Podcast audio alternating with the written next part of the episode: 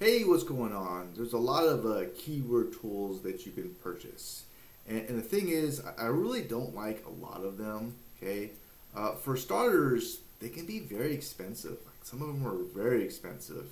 Uh, the second thing I don't like about them, when it comes to the information on the uh, traffic keyword gets or the competition, I'm very skeptical. I'm super skeptical on how accurate it is. Uh, so even if the tool is completely right when it comes to the traffic that a keyword will get, um, it really doesn't take into account similar keywords that can also rank for the term you're going after as well.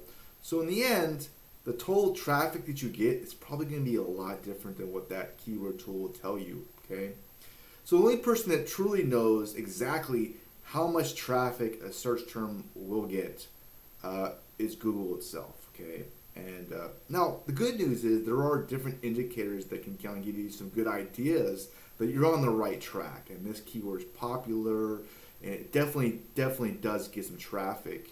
Uh, one idea that I really like is you can run that uh, search term that you're thinking about going after through Google Trends, right?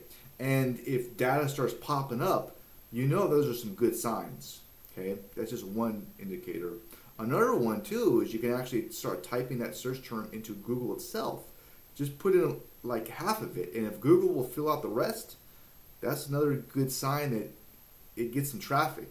Okay, it's pretty popular. Um, of course, another one as well is if you see the search term uh, that's very similar to a question being asked and people always ask segment, uh, that's a that's a really good uh, indicator as well.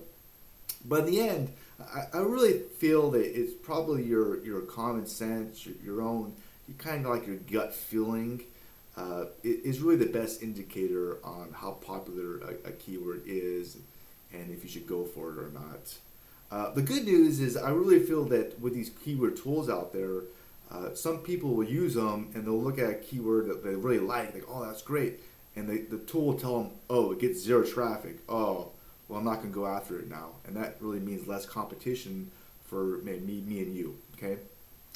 Uh, all right, now the competition is another area which I'm, I'm very, very skeptical of when it comes to these uh, keyword tools out there. Uh, I just really think that it's far, far better to type in the search term directly into Google and look at the competition directly. Yeah, that's the best indicator, okay? That's a better approach. And w- when I do this, I'll ask myself the following questions, okay? Uh, are there a lot of articles just not on point? Okay, that's a good sign. Uh, is there a lot of forums popping up in the top five spots or whatever? Um, the website's not established. Are the articles weak? Don't really answer the question. Okay. Do you think you could write a better resource? Uh, well, that's the main one. If you, if you think so, then why not? Go for it, right? What do you got to lose? Um, another thing which I think about as well is the headline.